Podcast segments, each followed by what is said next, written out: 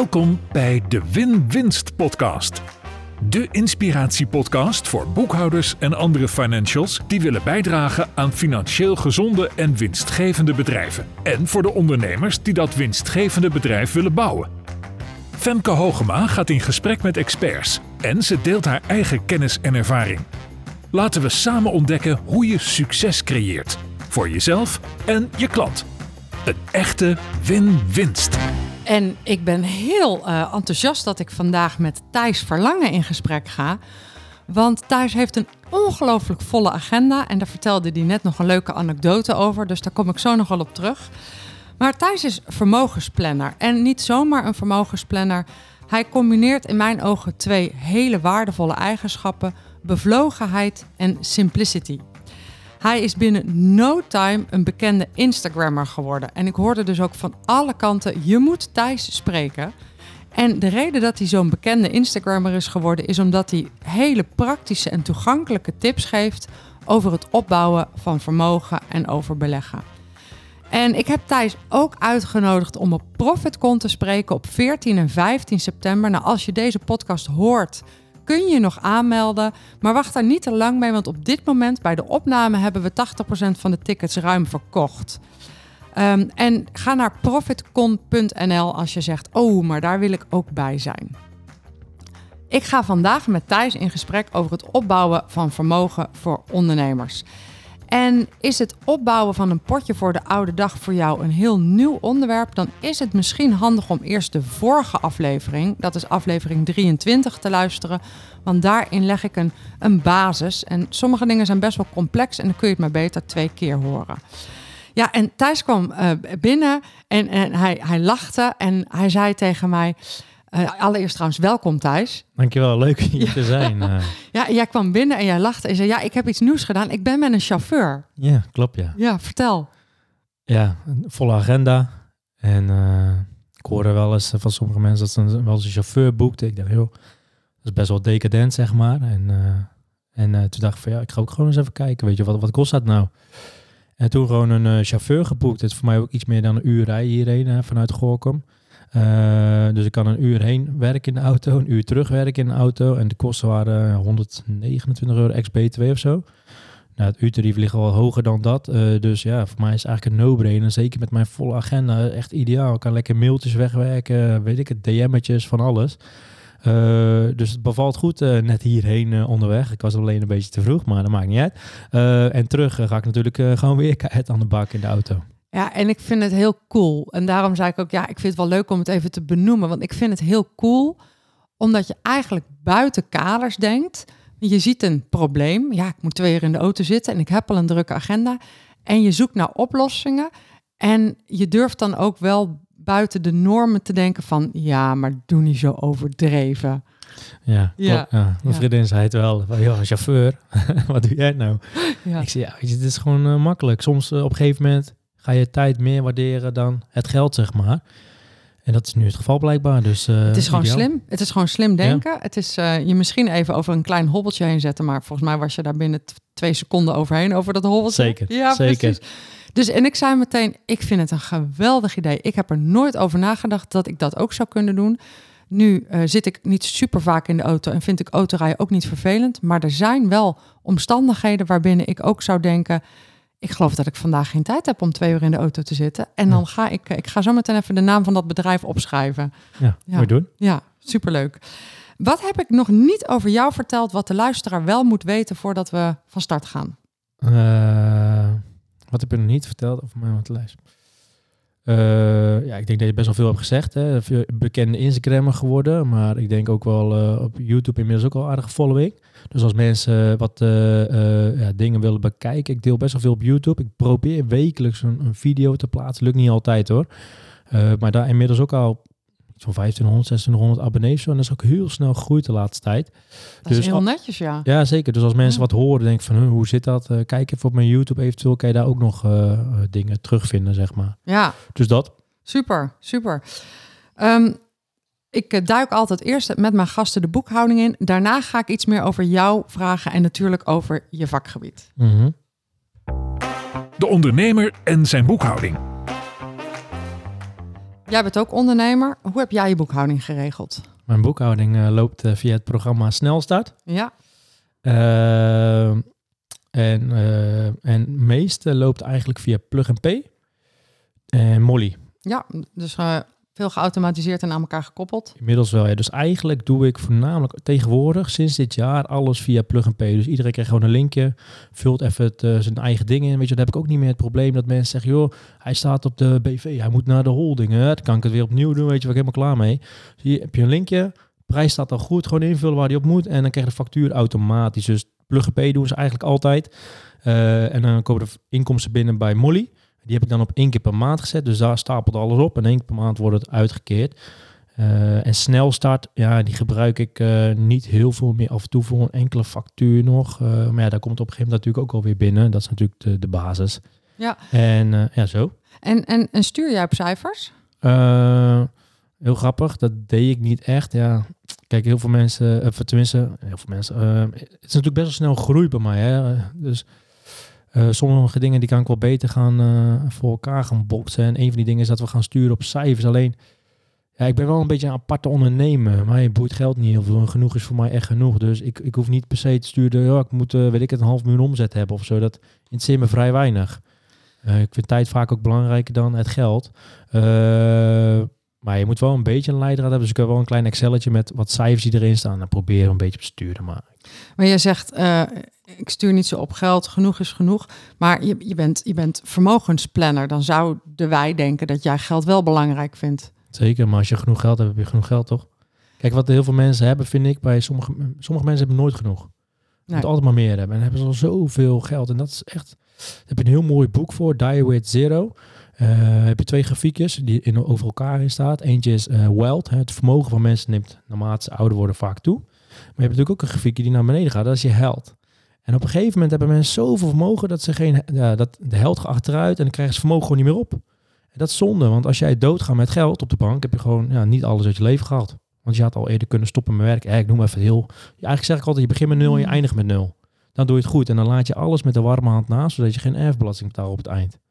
Snap je? Of het zelf opmaakt natuurlijk door je bucketlist helemaal af te werken. Maar dit vind ik we- wel heel mooi. Jij zegt, als je doodgaat met geld, dan had je dus eerder kunnen stoppen met werken. Daar, Ja. daar geef je al heel veel van jouw visie weg. Zeker. Dus jij zegt, geld, ik vul hem nu even in, hè, cor- corrigeer Ja. me als ik het niet goed zeg. Geld heeft als functie om lekker te leven, punt. Om voor financiële rust en, financiële, en, en een goed leven, zeker. En dan kan ik me zo voorstellen, loop ik een beetje op de feiten vooruit, maar dan kan ik me zo voorstellen dat een onderdeel van jouw vermogensplanning is, is om letterlijk te kijken hoe vol moet jouw potje zijn en wanneer moet je dan stoppen, zodat je het op kunt maken voordat Exact. je doodgaat. Exact. Ja. Ja. Dus je hebt de, de fase van het heden. Je start met een bepaald vermogen. Dan heb je bepaalde doelen. En dan hangen je dan de financieel getallen vast. Daar wil je zo snel mogelijk heen. En op dat moment, ja, dan wil je het ook weer op gaan maken. Weet je wat bij mij het inzicht is? En dat is heel grappig. Ik weet best wel wat af van vermogen. En ik heb ook eens wel met, met een financieel planner om tafel gezeten. Ik snap het principe. Het enige waar ik nog nooit bij stil heb gestaan, is dat ik het, dat het misschien wel een. Ik, ik zeg niet dat ik het wil, maar dat ik het op zou moeten willen maken als ik dood, dat het dan op zou moeten zijn. Komt meteen namelijk een vraag me op. Ja, maar het is toch ook gaaf als ik wat aan mijn kinderen kan nalaten? Ja, maar dat doe je liever met de warme hand, zonder erfbelasting, toch? Ja, wat, wat is dat dan? Gewoon het, het jaarlijks schenken hè, van die, die 6000 euro eh, naar de kinderen. Of, eh, wat, of eh, vanuit eventueel daarboven nog natuurlijk open die ook nog kunnen Dus dat moet je ook eerder doen. Zeker, ja. Ja. Ja. zeker weten. Ik doe dat nu al bijvoorbeeld. Ik heb een Ja. dochter van twee, die heeft een kindrekening op haar naam. Hè? Op haar naam en niet op je eigen naam. Dat zie ik heel vaak fout gaan bij ondernemers. Ja. Eh dat doen ze op hun eigen naam aanmaken. Dus wat je, kijk, idealiter moet doen. Je maakt een rekening aan, een betaalrekening op haar naam. Dan stort je maximaal 500 euro automatisch per maand naar die rekening. Zo doe ik het dan. Hè. Dan koppel ik daar weer een beleggingsaccount aan vast. Ik weet niet of ik een bedrijf mag noemen, maar dat is bij mij Meesman met een Mhm. kindrekening. Die koppel ik aan haar betaalrekening. Meesman pakt het daar weer af elke maand en die belegt het wereldwijd in aandelen. Nou, dat laat ik gewoon lekker doorgaan. Helemaal volledig geautomatiseerd. Dan blijf je elk jaar precies onder die schenkvrijstelling van 6000 euro. En ik ga bij haar vermogen opbouwen. En tuurlijk, hè, voor box 3 tot haar 18 is het mijn vermogen. Maar na haar 18 is het in één keer haar vermogen geworden. En dat over 18 jaar met een bepaald rendement ging wel echt meer dan een ton toe, anderhalf ton. Eh, en zij wordt 18 en dan ben ik in één keer anderhalf ton lichter op papier. Snap je? Dat is bij haar zit dat er dan bij. En dat is slimmer dan, wat ik heel vaak fou- fout zie gaan, een eigen betaalrekening, zelf beleggen. Ja, als mijn dochter of mijn zoon 18 is geworden, dan geef ik de geld. Ja, dan zijn ze bijvoorbeeld 18 geworden en dan zegt eh, papa, joh, ik heb 40.000 euro gespaard voor jou. Heb ik soort 40.000 euro. Nou, ga jij maar schenkbelasting betalen. Want dan heb je natuurlijk dat limiet. Ik, ik vind het echt briljant.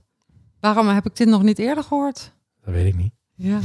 Daarom ben jij zo'n zo'n bekende Instagrammer geworden. Omdat je, we, wa- we waren nog niet bij de inhoud, maar Hmm. je bent alvast begonnen met een Zeker. briljante tip.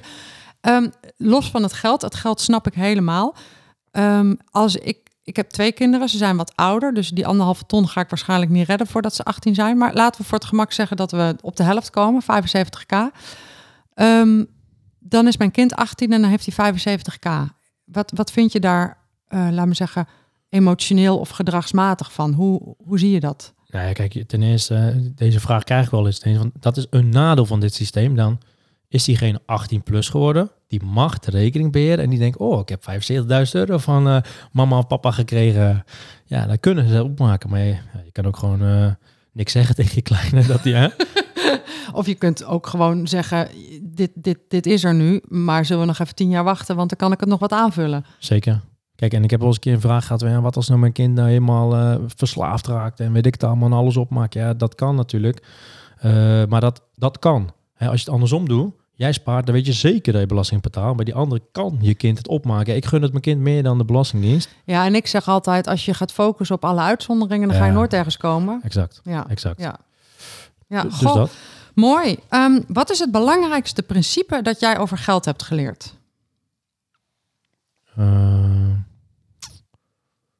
belangrijkste principe dat ik over geld heb eh, eh, geleerd is dat, eh, dat je- er wel hard voor moet werken. Vanuit huis uit. En, en is dat een principe wat je nu ook nog omarmt? Ah, Ja? ja, t- tuurlijk, ik, ik werk echt keihard nog. Terwijl dat financieel gezien niet eens meer zou hoeven. Maar het is ook wel echt een beetje mijn passie en zo. En dat is... eh, ik heb nog wel eens soms struggle met mijn vriendin. Zeg je, je bent weer aan het werk. Nee, ik ben gewoon lekker aan het hobbyen. en dan zegt ze, nee, zij ziet het als werk. Ik zie het als hobby. En eh, doordat ik wel veel werk, eh, ja, komt het geld natuurlijk ook. Dus ja, hard werken zorgt, zorgt eigenlijk altijd wel voor, voor meer geld. Ehm, en dat heb ik van huis uit ook al zo'n beetje meegekregen. Ja. Ja. En, en, en dus dit, dit geloof je ook nog? Zijn er ook nog overtuigingen die je vroeger had over geld en die je nu niet meer gelooft? Eh, ja, bijvoorbeeld, eh, vroeger wilde ik altijd miljonair worden. Hè. Dat is, weet je, heel veel van die jongetjes hebben natuurlijk zo'n droom. Hè. Als je 16, 17 bent, ik weet nog goed, ik zat op het MBO en toen eh, deed ik een elektrotechniekopleiding. Heeft niks met financiën te maken. En dat deed ik in in de avond, hadden ze een cursus ondernemerschap en die deed ik toen volgen. Was een jaartje. En dan zat ik in de klas en dan vroeg iedereen, ja, wat wil, wat wil jullie worden? Ik zei, ja, miljonair. en, en kijk, op dat moment denk je, dat is echt onmogelijk. Ja. En ik ben geen miljonair, maar het, het, is niet, eh, niet heel spannend, zeg maar, nu ik een heel stukje verder ben. Eh, het is het 13 jaar later. Ja, Het is prima te doen. ja. Eh, en ik ga het ongetwijfeld worden, daar ben ik helemaal niet bang voor. Maar dat op dat moment denk ik, van, ja, dat is echt, echt niet te doen. Dus dat- Grappig is dat, hè? Ik heb dat ook. Ik, miljonair klonk vroeger als iets enorms. En nu ben ik meer in de gedachte van... Ja, als ik, op, als ik lekker vroeg met pensioen wil... moet ik een beetje vaart maken met het miljonair worden. Dus een heel andere gedachte Ja, ja. geworden. Mhm. Ja, eh, ik vind dat het eigenlijk... In mijn geval denk ik, ja... Ik vind het nog iets langer duren dan dat ik vijf jaar geleden had gedacht. Vijf jaar geleden dacht ik, ja, dat ga ik even, even fixen nu. Duurt het Ja. toch nog iets langer dan ik... Maar ik ga daar ook komen. Eh, en mijn man die heeft vooral zoiets van, kan dat nou niet wat sneller? Want dan kan ik ook stoppen met werken. Terwijl Ja. ik zeg, ja, ga het lekker zelf ook een beetje regelen. Ja, Ja, zet eens wat opzij dan. ja. ja, dus eh, dat is wel grappig. Dus die herken ik wel. En het is niet eens dat miljonair zijn het doel is of zo, hè? dat zeker niet. Maar Het is dat, ja, is die, gewoon die vrijheid. ja, bijvoorbeeld financiële vrijheid, vrijheid. het leven, goede leven. Nou ja, heel kort door de bocht. Als je met je eh 55ste met pensioen wil, dan is een miljoen niet vreselijk veel geld. Dan is dat wel ongeveer wat je nodig hebt. Mhm. In mijn hoofd in ieder Mhm. geval. Teken met de inflatie. Precies. Ja, tegen die tijd is, eh, is natuurlijk misschien een miljoen ook weer niet, eh, niet heel veel meer. eh. Is natuurlijk wel best wel hoge inflatie. Als het nog even doorzet, dan op een gegeven moment is een miljoen ook niet, niet alles meer. Nee, nee, nou jij bent wat verder van die 55 verwijderd dan ik. Hè? Dus daar zit even een Ja, mis- mismatch in communicatie. Ik dacht, bij jou duurt dat ook nog 15 jaar, joh. Hè? Bijna, nee. de expert aan het woord. Nee, ik, ben, eh, ik word eh 2 augustus 48. Oké. Ehm, heel even een klein stukje terug naar de basis. Van waar je interesse in dit vakgebied? Ja, dat is een eh, hele leuke vraag. Eh, jij kent ongetwijfeld het boek Rijke Pa, Arme Pa. Mhm. Zoals bijna elke luisteraar, Mhm. geloof ik, of kijker. Eh, nou, dat heb ik eigenlijk een beetje in het echt meegemaakt. Dus ik kom uit een arbeidsgezin. Mijn moeder eh, was altijd schoonmaakster en mijn vader is eh, bouwvakker. Eh, en we hadden het gewoon goed. Hè. Ik heb super leven gehad. Alleen op een gegeven moment, op mijn zestiende, ontmoette ik een, eh, een, een meid. Kreeg ik een relatie mee, tien jaar mee gehad, tot ongeveer 26, 27. En toen zag ik de andere kant, eh, de, de rijke kant, zeg maar. Groot, grote vrijstaande woning, jacuzzi, zwembad, heel veel eh, vakanties, uit eten, et cetera. En thuis was het ook prima, gewoon een sociale huurwoning, één keer per jaar vakantie, et cetera. Toen dacht ik van oké, hè, rijke paar, arme paar las ik toen ook al, want ik was best wel vroeg bij ook. eh, eh, mijn 17 heb ik die zeker al gelezen. Toen begreep ik het veel minder dan dat ik het nu zou lezen natuurlijk. Eh, maar fijn, ik zag dus de rijke kant en denk oké, daar moet ik het dus van gaan leren, want ik wil dat ook. En zodoende ging toen mijn inmiddels dan ex-schoonvader, maar schoonvader uithoren. En toen hoorde ik van, joh, hij verhuurde wat vastgoed. Hè. Hij had wat aandelen beleggen. Hij had ook een eigen financieel adviseur. Hij had ook een hele goede functie als directeur. Uh, hij deed ook nog wat uh, lesgeven op school als onderneming erbij. Dus hij, deed heel goed. En daar heb ik toen best wel veel van geleerd. En toen is ook al de trigger geweest van, oké, hier wil ik meer mee. Toen ben ik al vrij snel gaan beleggen. Uh, op mijn negentiende dus al heel veel boeken over gaan lezen. En dat heb ik eigenlijk tot op heden. Ik ben vandaag 31. Uh, dus een hele te volgehouden. Constant met dat beleggen bezig geweest in mijn privé tijd. Dus ik zat heel veel op financiële forums. Heel veel financiële boeken gelezen. En dat deed ik allemaal in het privéleven. Want ja, toen ik 18 was, zat ik nog op het mbo 4 elektrotechniek. Dus dat had er vrij weinig mee te maken. Wat gaaf. Jij hebt The Rich Dad, Poor Dad. En dat is uh, Kiyosaki is dat hè? Heb jij in het echt eigenlijk ervaren. Ja. En dan zeg je... Um, en ik ging hem toen uithoren. Uh, en toen hoorde ik dat hij vastgoed had en dat soort dingen. Hoe heb je op die leeftijd, komende uit een arbeidersgezin, dan de, in, de inzichten om dat te gaan doen, om hem te gaan uithoren? Waar, hoe, hoe, ja, waar kwam dat vandaan? Ja, ik heb altijd wel een hele erge drijf gehad, uh, heel leergierig. Uh, altijd wel aan het leren ook. En ja, toen ik dacht van, oké, okay, ik wil dat bereiken, dan moet ik gewoon doen wat hij doet. Ja. En toen ik negen... Fantastisch. Ja, ja. Toen, en met die leeftijd had ik helemaal niet de intentie om ooit voor mezelf te beginnen hoor. Hij was, hij was tenslotte ook, uh, Ja. meeste inkomen bij hem gewoon, kwam uit loondienst, gewoon het, als directeur zijnde uh, in loondienst. Uh, en die deed dan de rest erbij en daar had hij dat ook al mee bereikt. Dus dat Ja. was een beetje de intentie. Ja.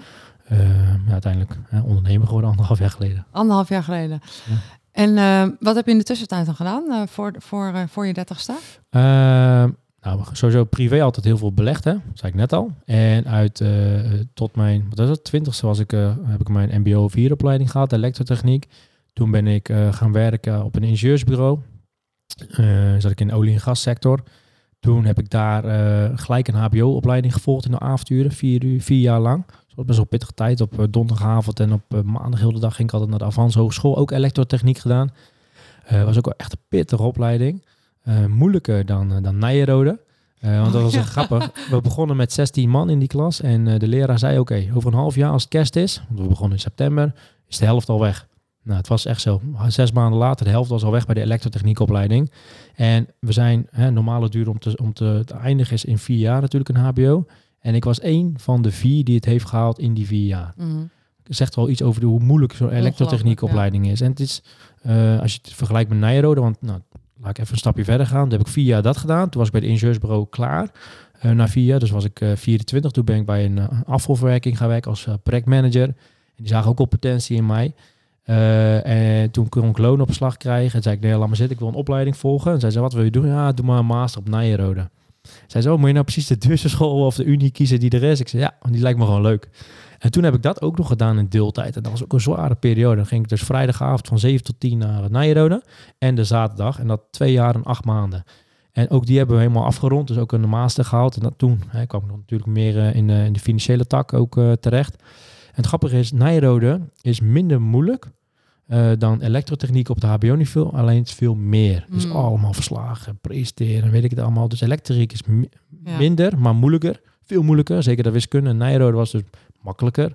Alleen dan wel, uh, ja, wel veel meer. En ik had het voordeel dat ik al daarvoor dus deeltijd werkte. Dus ik was wel die, ik ben altijd heel Ja. druk, altijd. En ik, ik zit echt he- heel erg blij te kijken hier. En dat komt omdat jij, je zegt hele gave dingen die ik dan gewoon echt even wil herhalen. Je kon loonopslag krijgen en toen zei je, nee, laat maar, doe mij maar een opleiding.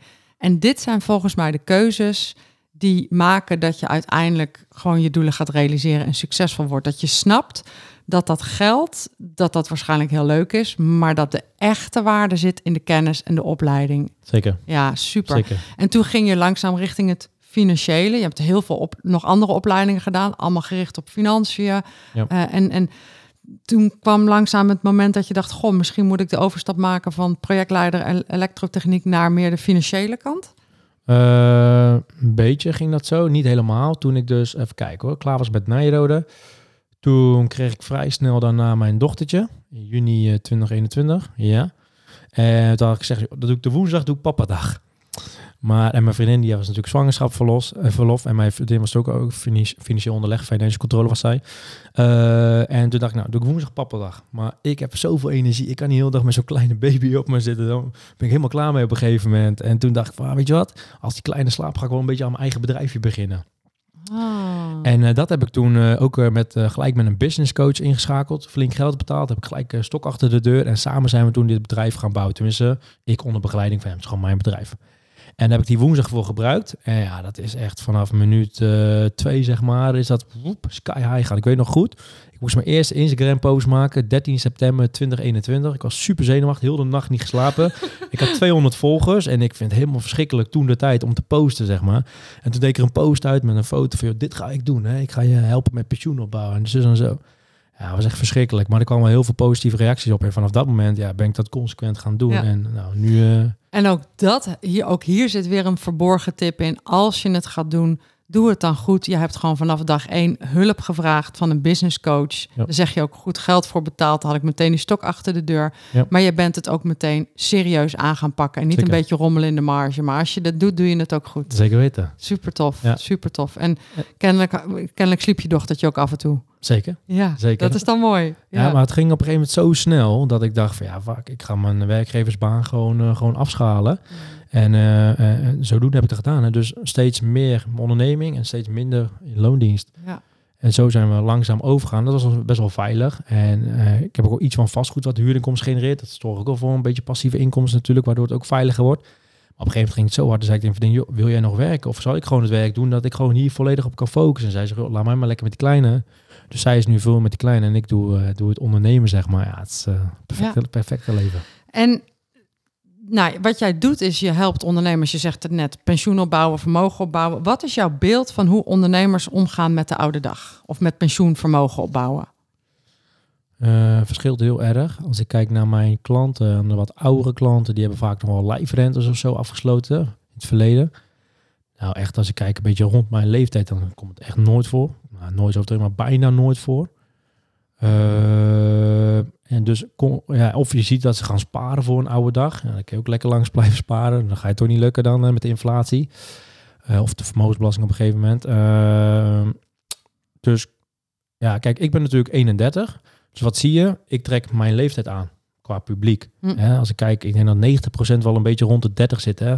Gewoon, eh, gewoon met kinderen ook vaak. Dus dat is ook wel de, de doelgroep die ik heel erg aanspreek. Af en toe heb ik al wat ouderen, soms ook nog wat jongeren. Maar 90% zit wel een beetje rond mijn leeftijd. Ja, die, die zijn of een paar jaar aan het ondernemen en die denken, het gaat goed. En dan gaan ze nadenken over hun oude dag, zeg maar. En die komen vaak bij mij.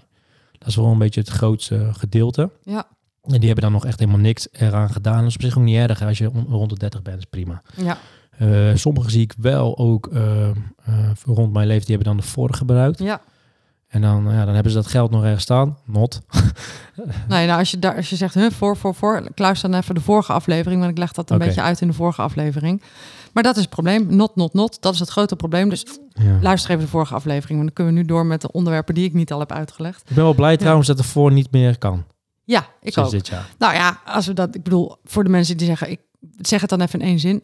Hoe ik het altijd uitleg is, de voor is een belastingvoordeel en een schuld tegelijkertijd. En dat is wat mensen, mensen denken dat het een potje is. Maar dat is het niet. Het is een belastingvoordeel en een schuld, maar geen potje. Nee, kijk, als je het goed doet, gebruik je het voor en stort je het weg. Naar Ja. een lijfrente. En dat, Ja. ik had laatste klant. van 58, die had het heel veel jaar gedaan achter elkaar. Ja, die had al een prima potje, eh, maar meestal zie ik dat ervoor wordt gebruikt en dan vraag ik, joh, zie je deze schuld? Heb je dat nog ergens staan? Dan zeggen ze, nee, heb ik nergens staan. Ik zeg, oké. Ja. Nee, en ik heb ervoor ook gebruikt, eh, maar ik, eh eh, ik stortte het geld inderdaad af. Ja. En kijk, dan doe je het goed. Kijk, en het voordeel nu is dat die voor niet meer kan. En dat je dus de jaarruimte kan benutten. En dan moet je Ja. het wel afstorten naar een pensioenrekening. Precies, dan moet je. Dus dat is een veel betere Zeker. regeling altijd. Ja. Ehm, nou, laten we daar dan heen gaan. Want nu heb je de jaren. Nee, daar komen we dan zo op, op de jaarruimte. Ehm, dus jij zegt de, de ondernemers die jij aantrekt zitten veel rond de 30. Ik denk dat dat, dat al, al heel mooi is. Want ehm, er zijn. Het gros van de ondernemers gaat hier pas over nadenken. Ja, als ze 45 zijn. En dat Ja. is natuurlijk heel zonde. Ja. Dus dat is wel heel mooi dat jij de jongere doelgroep aantrekt. Zeker.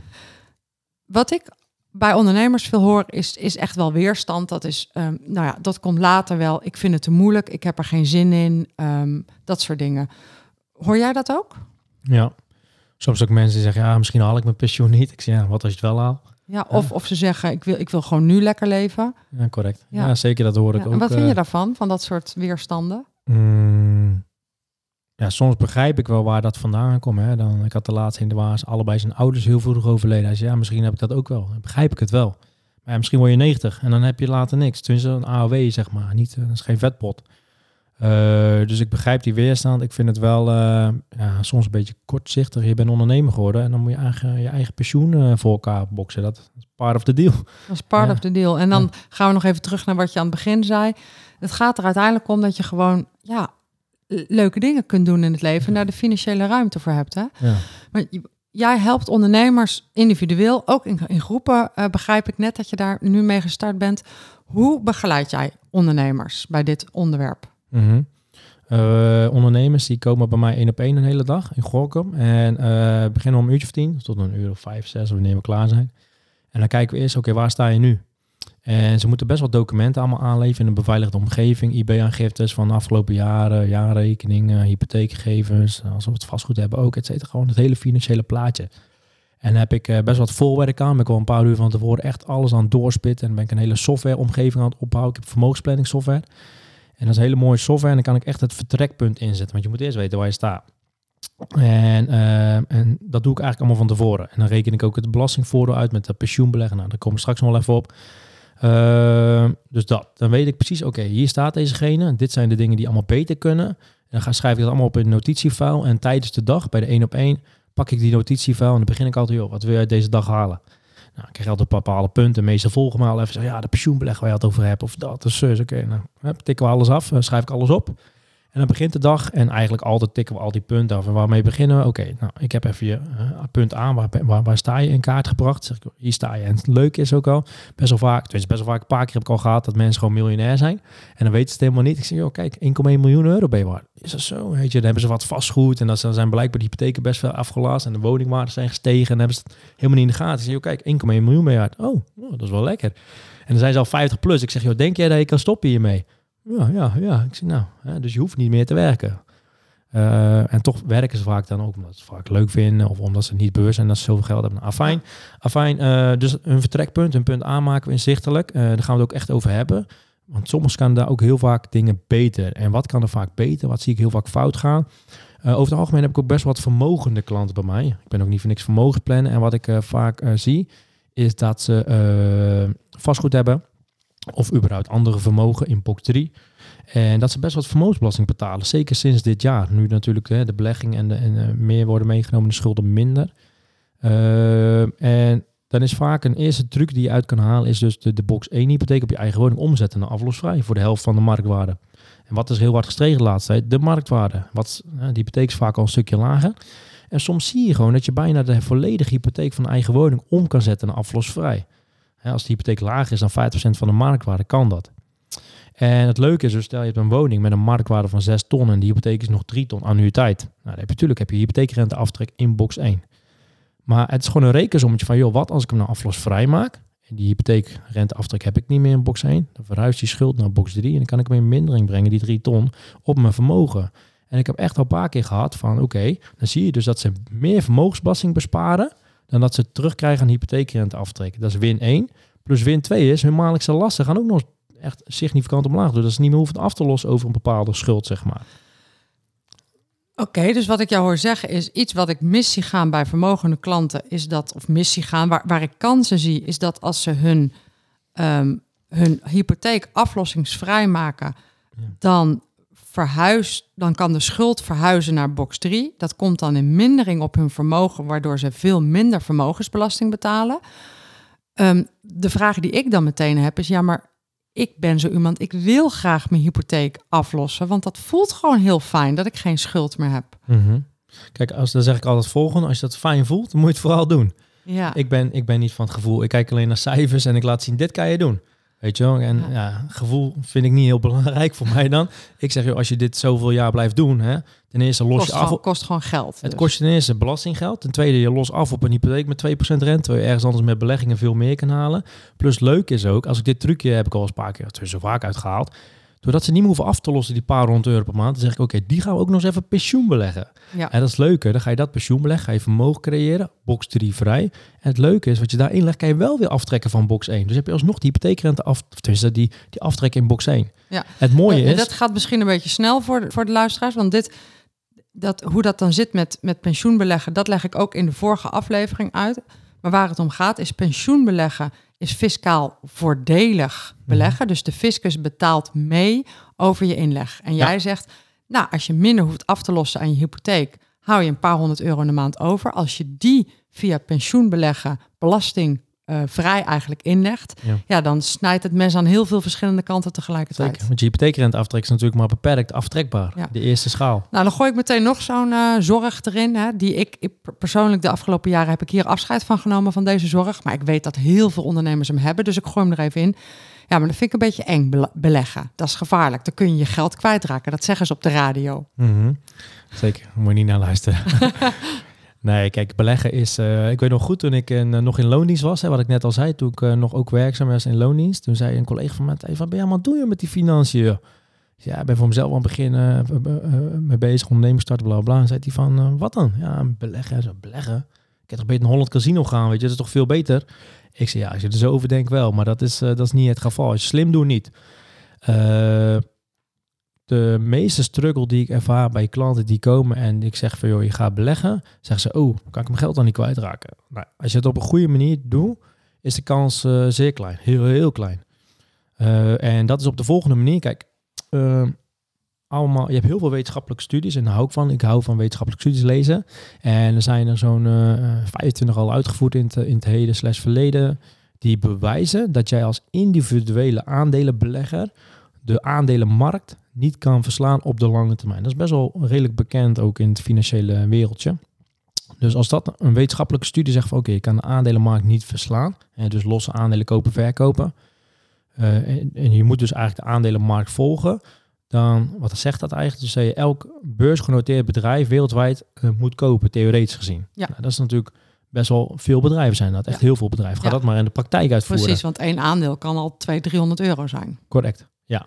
Dus hoe ehm, ga je dit dan in de praktijk doen? Nou, dat heb ik uitgezocht. En wat je kan doen, is je kan eh, drie eh, fondsen kopen. Noord Trust Fonds. En die kan je gewoon via je eigen bank kopen. Kosten zijn super laag ook. En die kan je gewoon volledig automatiseren.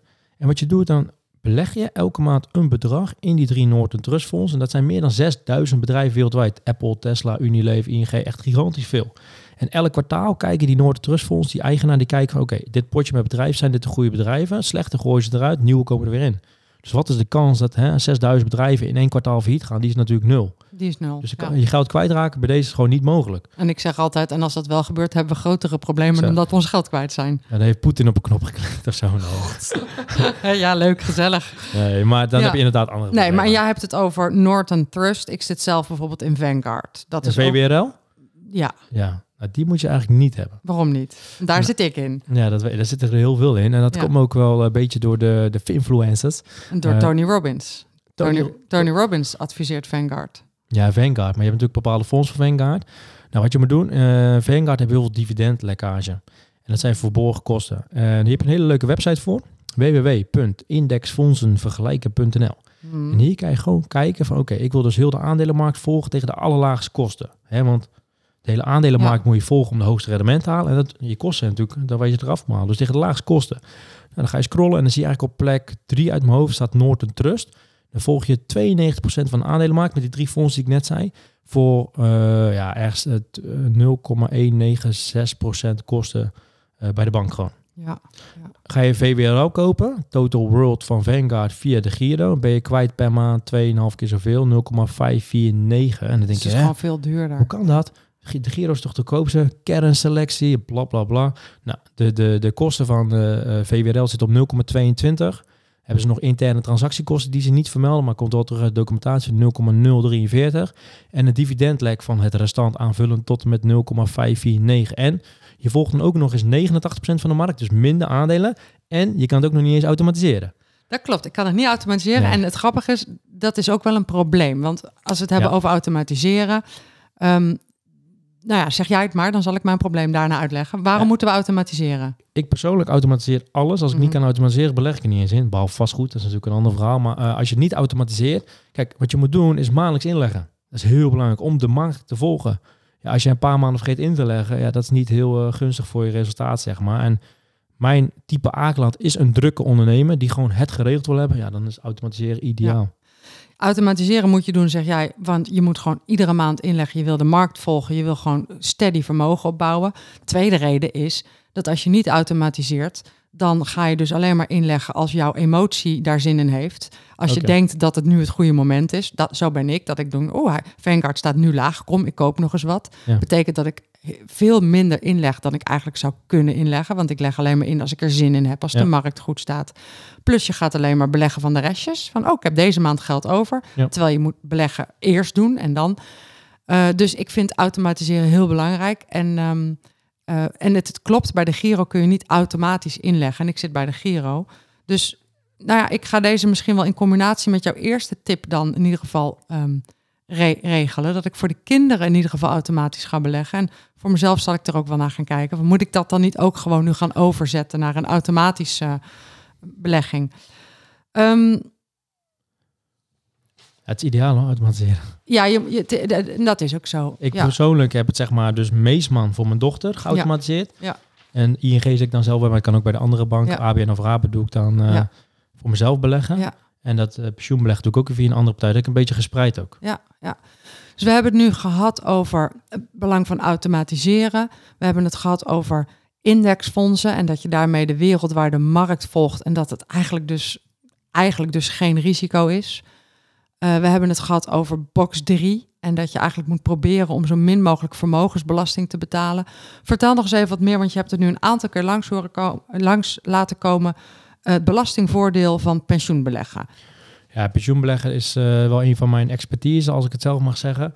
Uh, pensioenbeleggen is gewoon de manier, zeker sinds een week of twee of drie geleden, de manier om pensioen op te bouwen als ondernemer, maar ook zeker om als particulier je pensioengat aan te vullen. Mocht je wel werkgeverspensioen opbouwen, vaak is dat toch tekort. Uh, wat je doet is natuurlijk, je kan uitrekenen hoeveel is je winst geweest vorig jaar, of dat weet je natuurlijk vanuit de boekhouder. Uh, je winst, die kan je dan uitrekenen van wat je jaarruimte geweest. Dat is zeg maar de ruimte die je mag storten naar een pensioenbeleggingsrekening. En dat ga je dan beleggen. Kan eventueel ook sparen, maar meestal kiezen voor beleggen. en dat geld wat je dan stort, stel dat is 10.000 euro. Die mag je dan het jaar erop. Als je in 2024 de belastingaangifte doet over 2023, mag je hem van dat inkomen aftrekken. Dus stel je hebt een ton verdiend in 2023 en je hebt 10.000 euro in 2023 ook belegd, dan hou je, uh, mag je die van elkaar aftrekken. En dus hou je 90.000 euro over. En daar ga je belasting over betalen. Dus het bespaart, uh, bespaart daar al, zeg maar, het stukje dat je niet hoeft te betalen. Uh, tuurlijk is de belasting niet gek, hè? die gaat niet voor niks voordeel geven. Je moet dat een keer betalen. En dat is als je het later uit laat keren. Als je met pensioen gaat, of soms ook al voor je pensioen eerder gaat stoppen, dan kan je het ook uit laten keren. En zoals de meesten wel weten, van, nou, na je pensioen is de belastingtarief natuurlijk lager, doordat je geen AOW meer hoeft te betalen, die 17,9 procent. Uh, doe je het voor je pensioen. Voor de AOW-leeftijd heb je dezelfde belastingtarieven.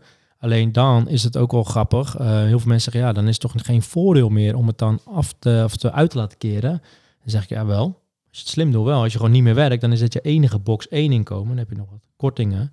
En dan, uh, en dan kom je misschien niet boven die, uh, boven die hoogste tariefschijf uit. En dan betaal je alsnog minder belasting. Zeker.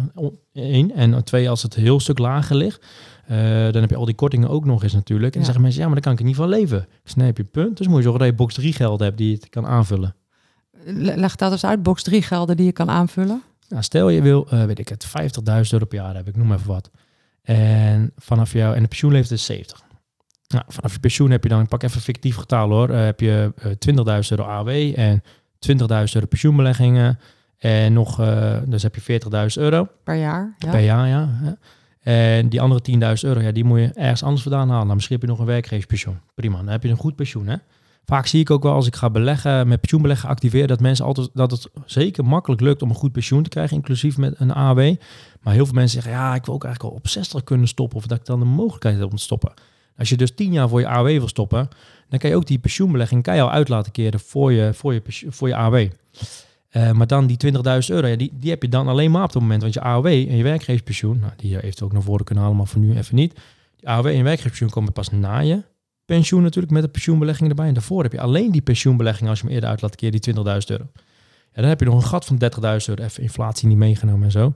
Ja, die moet je dan uitkeren vanuit eh, box 3. Dus stel je hebt dan eh 10 jaar maal eh 30.000 euro verschil. 3 ton heb je op de rekening staan. Die kan je dan gebruiken om dat stukje aan Ja, te en vullen. dat is bijvoorbeeld je beleggingsrekening bij de Giro. Of, hè, dus Exact. dat is geen, dat is gewoon, ja, Exact. daar kun je het dan uithalen. Of misschien heb je een woning die je verhuurt, Ja. of twee woningen om het Ja. aan te vullen. Dat Of kan je, natuurlijk je- ook. of je verkoopt iedere maand een muntje goud. Ik weet niet of dat het meest praktisch is, maar dat zijn diverse manieren waarop je ook nog ander vermogen kunt hebben. Exact.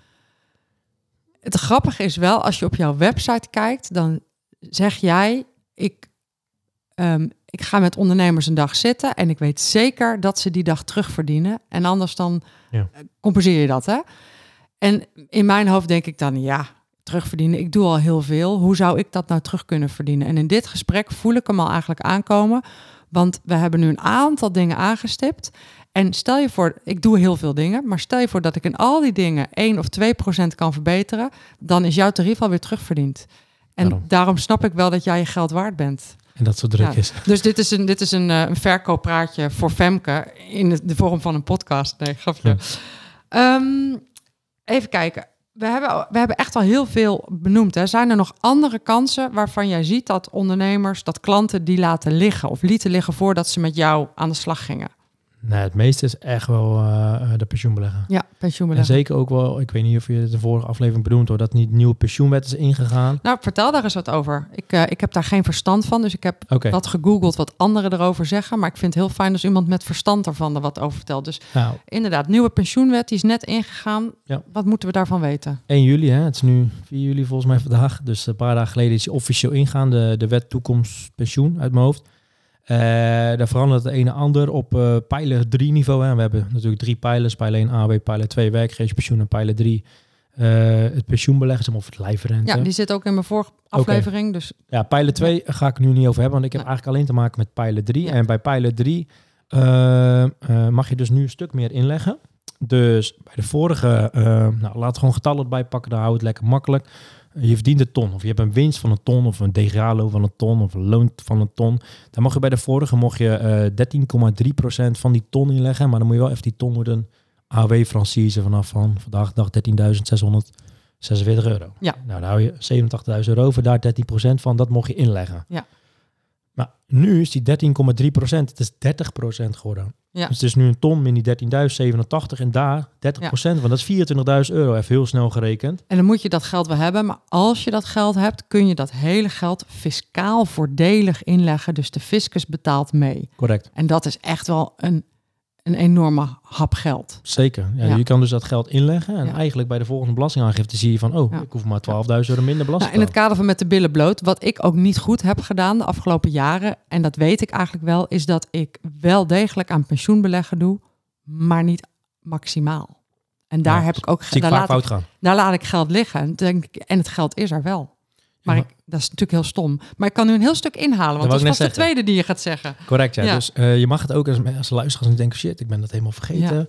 Nou, dan kan je dus, je kon het tot zeven jaar terug inhalen. Ja. Dat is tien jaar geworden. Dus je kan het nu tot tien jaar teruggaan en je kon dan 8000 euro van het verleden in één keer erbij storten. Dat is 38.000 euro geworden. Ja. Dus het is echt gigantisch. Ik had Ja. laatst ook een klant, eh, die had echt een, een reserveringsruimte, zo noem je dat, hè, met een, mooie fiscale term. Dat zijn eigenlijk gewoon de ruimtes die het in het verleden had. Bij elkaar noem je dan reserveringsruimte. Je jaarruimte is het de ruimte in het heden. Ja. En die is ook gemaximaliseerd hoor. Dus als jij 128.000 euro ongeveer verdient, verdient, dan is de, de jaarruimte zo'n 34.000 euro. Dus als je winst 128k, Mhm. dan is je jaarruimte 34.000. En hij had ook nog een reservering van 50.000 euro. Dus hij kon daarvan 38k storten, plus 34 in het heden. Dat is gewoon 72.000 euro die hij kon storten dat jaar. En aftrekken van zijn winst. Natuurlijk een hele berg met geld, gaat hij ook niet doen.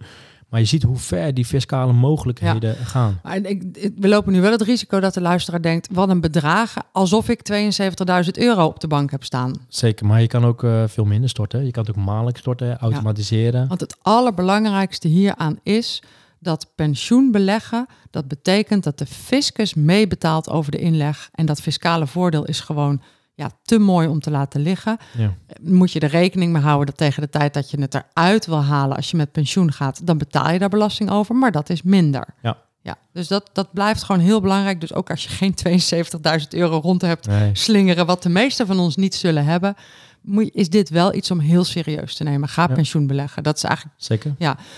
Oké, dus 1 juli, nieuwe pensioenregels. We kunnen meer inleggen van 13,3 naar 30 procent. We kunnen veel meer inhalen van de reserveringsruimte Ja. die we de afgelopen jaren niet hebben benut. Zijn er nog andere belangrijke dingen? Ja, er is er nog eentje dat je als je je, je pensioenbelegging en dat is een bepaald vermogen wat groeit, dat zet je een keer om. Hè, als je ervan gaat genieten in een lijfrente-uitkering.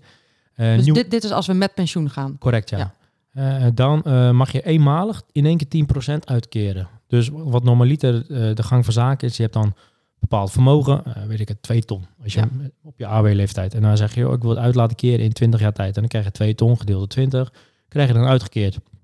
Eh, maar jij zegt, ja, ik ben nu 70, kan ik niet gewoon gelijk al 10% krijgen? Nou, dat kan dan met die nieuwe regels. Dus je kan van die 2 ton, kan je gelijk 20.000 euro uit laten keren. En dan het restant, die 180.000 euro, wordt uitgekeerd in 20 En waarom zouden we dat willen? Nou, je bent natuurlijk op zijn jongst, hè? Dan tegen die tijd dan kan je een mooie, weet ik het, camper kopen. Campertje kopen. Ja, precies. dingen. kopen, wereldreis maken. ja. Precies, precies. Dus dat is wel een, eh, je Ja. moet wel even beseffen, hè? stel het, kijk, ik heb nu over twee ton, maar ik zie bij klanten van mijn leeftijd die veel storten, dat Ja. het miljoenen zijn. Ja. Ehm, mijn man is geen ondernemer. Eh, kan hij ook pensioen beleggen? Zeker. Ja, Maar alleen als hij een nou, pensioengat heeft. Zeker, ik zeg wel zeker, maar dat klopt niet helemaal. Maar bij de particulieren die ik heb geholpen, zie ik dat eh 90% wel een pensioengat heeft. En dus ook kan pensioen beleggen. Maar dan kunnen we dus mijn accountant even vragen om voor hem uit te rekenen of hij een pensioengat heeft. Ja. Of kan hij dat makkelijk zelf? Ja, Nee, kan beter. Vragen we mijn accountant even. En dan kan hij ook zijn eigen pensioen beleggen. Eigenlijk hetzelfde als ondernemer, alleen je hebt één document meer nodig. Dat je uniform pensioenoverzicht. Ja. Die krijgt hij vanuit eh, Ja. De pensioendienst elk jaar. En daar staat een factor A in. Die. Nou, ik je heb weer veel te veel acties. Ik ga eerst met Hm. vakantie hoor, eh, Thijs. Ah, is goed. hè? veel te veel acties. Komen uit al mijn podcast komen acties. Ehm, we kunnen niet allemaal met jou werken. Je hebt zelfs een wachtlijst. Ja. Ehm, welke praktische tips heb jij voor ondernemers zodat ze zelf met het onderwerp aan de slag kunnen? Of welke praktische tips heb je om nu je met groepen werkt, wel met jou te werken? Eh, ja, ik heb best wel een lange wachtlijst. Dus eh, ja, ik, ja, ik stimuleer ook al gewoon, ga lekker zelf mee aan de slag. eh, of heb het er ook met je boekhouder Mhm. over. Of accountant. Hè. Vaak weet je ook wel een beetje van die termen af. Zoals ondernemers luisteren. Eh, ja, vooral de pensioenbeleggen, daar zou ik me wel een Ja. beetje in verdiepen. Dus verdiep je in pensioenbeleggen. Ja. ja. je kan even Ja. kijken op mijn YouTube-kanaal. Daar leg ik best wel veel over uit. Ja. Eh, ja, en als we nu allemaal toch met jou willen werken, begreep ik nou net dat je ook groepsbijeenkomsten aan het organiseren bent? Ja, dus eigenlijk mijn kernproduct is één op één, maar dat zo'n gigantische wachtlijst komen van meerdere jaren, dat gaat gewoon niet meer. Eh, dus daarbij heb ik een groepsdag georganiseerd, een paar weken geleden voor het eerst, was superleuk. Soms denk ik wel nog wel eens waardevoller dan één op één. Waarom? Eh, we hadden tien man bij elkaar zitten en dan sommigen stellen vragen en dan gaan en denken, oh ja, dat is een goede vraag, weet je wel. En dan Maar het nadeel is dat je dan zelf heel. Want die, worden die gegevens op zo'n groepsdag dan ook in jouw programma ingevoerd? Ja, ze, sturen, ze moeten wel alles van tevoren aanleveren. Oh, Net als bij de oké. één op één. We, Ja. we, we rekenen ook voor iedereen uit wat hun voordeel is. Ah. Dus het is heel vergelijkbaar met een één op één. En eh, tijdens die, die dag delen we ook de gegevens, mits ze dat toestaan natuurlijk. Tot, ja, die Ja. dag vond niemand het erg. Ja, Eh, maar ik merkte wel dat het een heel gevarieerd koppel was. Hoor. Van beginnende ZZP's tot mensen met Mm. meerdere BV's en heel veel panden. kun je veel van leren. Zeker maken wel een lessons learned eruit gehaald. De, de nieuwe groepsdagen die we nu aan het inplannen zijn, doen we eh, BV's bij elkaar. Particulieren bij elkaar, ZZP's bij elkaar. Kun je het zeg ook maar. kun je een beetje aan elkaar optrekken. Zeker, Ja, ja. ja. ja. Superleuk. Waar kunnen we meer over jou vinden? Meestal op eh, Instagram deel ik veel, YouTube of ik heb natuurlijk de website ook. Thijsverlangen.nl? Nee, verlangenfinance.nl. Oh, Verlangen Finance. Maar ik ben- We zetten het in de show notes. Verlangen Finance. Ja, maar volgens mij staat er nog niet eens wat over die groepsdag op. Ik weet eigenlijk niet. is net bedacht. Ja, ja, ja. Eh, dus dat. ja, super. Zijn er nog dingen die ik ben vergeten te vertellen? Eh, vragen, sorry, niet vertellen, vragen. Nee, eigenlijk niet, denk ik. Nee, Oké, nou, volgens mij mooi. is het meestal wel behandeld, ja. Mooi. Dan eh, gaan we naar de tips. Dan gaan we naar de... De adviezen voor de financial. Als je nou vanuit jouw vakgebied kijkt naar ehm, boekhouders, accountants en andere financials. Welke drie tips kun jij financials geven ehm, voor hun business of voor hun om meer winst te realiseren? Meer winst in geld, tijd, energie, leukere klanten. Ja, wat bij mij gewoon heel eh, sterk heeft geholpen tot, eh, tot die drukte die ik nu heb, is dat iets wat jij al in het begin al aankaartte, eh, is dat ik werk met een, ja, een. Dus ja, mensen die, die, die betalen bij mij achteraf. En ze hoeven het pas te betalen als, ze, als ik hun terugverdien, zeg maar. En ik heb zelfs een twee keer terugverdiengarantie. Dus ze betalen een bepaald bedrag. Als ik dat twee keer terugverdien tijdens die dag, dan hoeven ze pas te betalen. Als dat niet lukt, heb ik al een paar keer gehad doordat het niet lukte. Ja, dan eh, hebben ze een leuk dag gehad, lekker gegeten en dan eh, zijn ze veel wijzer en dan hoeven ze niet te betalen. Eh, en natuurlijk waarborg het wel, want dat zou zonde van mijn tijd zijn met een intake. Dus we hebben altijd een intake vooraf. Zo doen wij het nu, zeg maar. En kijk, ik denk dat heel veel boekhouders ook luisteren naar, dit, naar deze podcast. Misschien kan een boekhouder ook vanuit die gedachte gaan denken van, joh, hè, ik doe je boekhouding en dat kost een bepaald bedrag. En eh, we verdienen het sowieso terug omdat wij dit en dit en dit doen. Hè. Misschien ook eh, adviseren over pensioenbeleggen of over middelen of boeketrie. Wat ik heel vaak hoor bij, eh, als een ondernemer mij is geweest, dat ze best wel vaak zeggen, ja, kan je niet mijn boekhouding ook gaan doen? joh?" ik zeg, nee, ik doe geen boekhouding. Ja, ken je daar nog een goede boekhouding? Ik zeg, ja, dat weet ik ook niet zo goed. Ik ga daar ook helemaal niet, ik werk met geen enkele boekhouder samen. Dus ik ga er ook geen uitspraak over doen. Maar dat hoor ik best wel vaak terugkomen. Dat, ik weet niet of jij het ook een beetje hetzelfde hebt, maar vaak zijn ondernemers niet altijd tevreden over hun boekhouding. Het kan ook aan de ondernemer liggen, hè, dan aan het boekhouden. Maar dat hoor ik heel vaak terug. Eh, Nou, daarom kom je ook op ProfitCon, omdat ik denk dat ook boekhouders heel veel kunnen leren van deze gedachten. Hoe kunnen wij nou misschien ook op dit gebied zorgen voor een stukje meerwaarde voor de klant? ja. Ja, grote, grote, eh, de grote eh, eh, weerstand kon- is dan natuurlijk, ja, maar ik ben niet opgeleid tot financieel planner. Kan ik dat wel doen met mijn klanten? Mhm. Misschien de opleiding even halen dan? Ja, Ja, dus, zo- ja. ja, ja, Eh, of gewoon zeggen van, joh, dit, dit bestaat er ook, weet je. En dan niet echt zozeer in adviseren. precies. Want eh, ook zonder advies, denk ik, als je hierin verdiept, kunnen de meeste financials wel degelijk iets nuttigs zeggen, zonder dat het een advies hoeft te zijn. Ja. Je kunt ook zeggen, god, dit en dit en dit valt mij op. Ja. Als je daar nou eens eh, mee aan de slag gaat, dan eh, kun je een hoop geld verdienen. Zeker. Kijk, het, ja, het geld wat, eh, wat een boekhouder vraagt natuurlijk is maar... eh dus wat ik merk bij een ondernemer maakt niet uit wat een boekhouder vraagt. Als het maar gewoon waard is. Dat is natuurlijk met Mhm. alles. Hè. Als je Mhm. ergens 5000 euro voor betaalt en je krijgt voor 20.000 euro aan waarde, dat is prima. Dat is prima. En dat is jouw belangrijke tip. Kijk naar een terugverdiengarantie. Kijk naar hoe jij ja, je klant ook kunt helpen om jouw investering terug te verdienen. En ontzorgen. Dat is ook een- Ontzorgen. ja. Ja. Nog meer tips voor eh, financials? Eh, ja, ik weet dat sommige boekhouders dit doen, maar niet allemaal. Misschien één keer in het kwartaal een keer samen zitten met zo'n eh, ondernemer en misschien ook een keer vooruitkijken. Want heel veel boekhouders doen wat ik dan hoor van, joh, hè, bij mijn boekhouder kijk ik alleen achteruit en dat is natuurlijk al part of the job, maar misschien als extra aanvulling kijk even mee vooruit. Van, wat is je prognose voor volgend jaar? Misschien moeten we naar een BV gaan in plaats van eh, een ZZP'er blijven. Want Precies. dat en dat is, dat, is, dat, is mijn, ehm, dat is mijn business. Ik zeg tegen alle financials vooruit kijken. Dus Ja. eh, fijn dat je die, eh, Oh. die visie ondersteunt. Ja, ja, ja, ja, heel goed. Super. Nice. Ehm, stel, ik geef je een toverstok en je zwaait. En daarna is de boekhoudbranche zoals die volgens jou zou moeten zijn. Wat is de belangrijkste verandering? Eh, eigenlijk wat ik net zei, denk ik. Zorg ervoor dat je iets van een terugverdiengarantie kan waarborgen. Op wat voor manier ook. Dan is het zo makkelijk verkopen ook. Ja, dat is makkelijk verkopen. Ik probeer er even mee te denken met de financials van kun je in het boekhoudvak met een terugverdiengarantie werken? En het grappige is dat ik dan ook meteen het antwoord heb. Ja, maar how is the least relevant question? Neem dit nou eerst eens als idee mee en ga hier eens creatief mee aan de slag. En misschien heb je niet een 100% terugverdiengarantie, maar kan dit idee je wel aanzetten om op een andere manier naar de markt te kijken. Ja. ja. Zeker. Ja, ja, ja, ja, super. Super. Ik heb zelf van ehm, heel veel tips voor mezelf verzameld. eh, voor mijn kinderen, voor mijn man.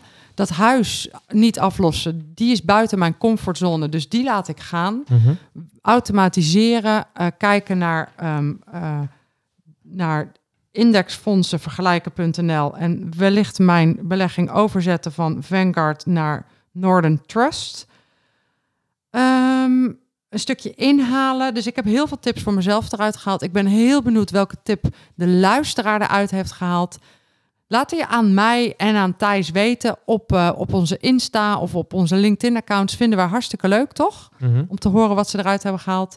We zetten jouw website eh, bij de show notes. En eh dankjewel voor je komst naar de studio. Graag gedaan. Was leuk. Super. En ik hoop dat je zo meteen een, een vruchtbaar ritje terug hebt met je chauffeur. Zeker. Ja. Lekker aan het werk. Lekker aan het werk. Super. Je luisterde naar de Win-Winst podcast voor de ondernemende boekhouder. Je zou me enorm helpen als je een review geeft in de podcast app waar je mee luistert. Eh, laat weten wat je van deze aflevering vond. Of geef mij een heel aantal sterren. Liefst natuurlijk vijf als je hier blij van wordt. Ehm, heel graag tot volgende week op woensdag Win-Winsdag. En abonneer je op deze podcast. Dan krijg je vanzelf een seintje als er een nieuwe aflevering online staat.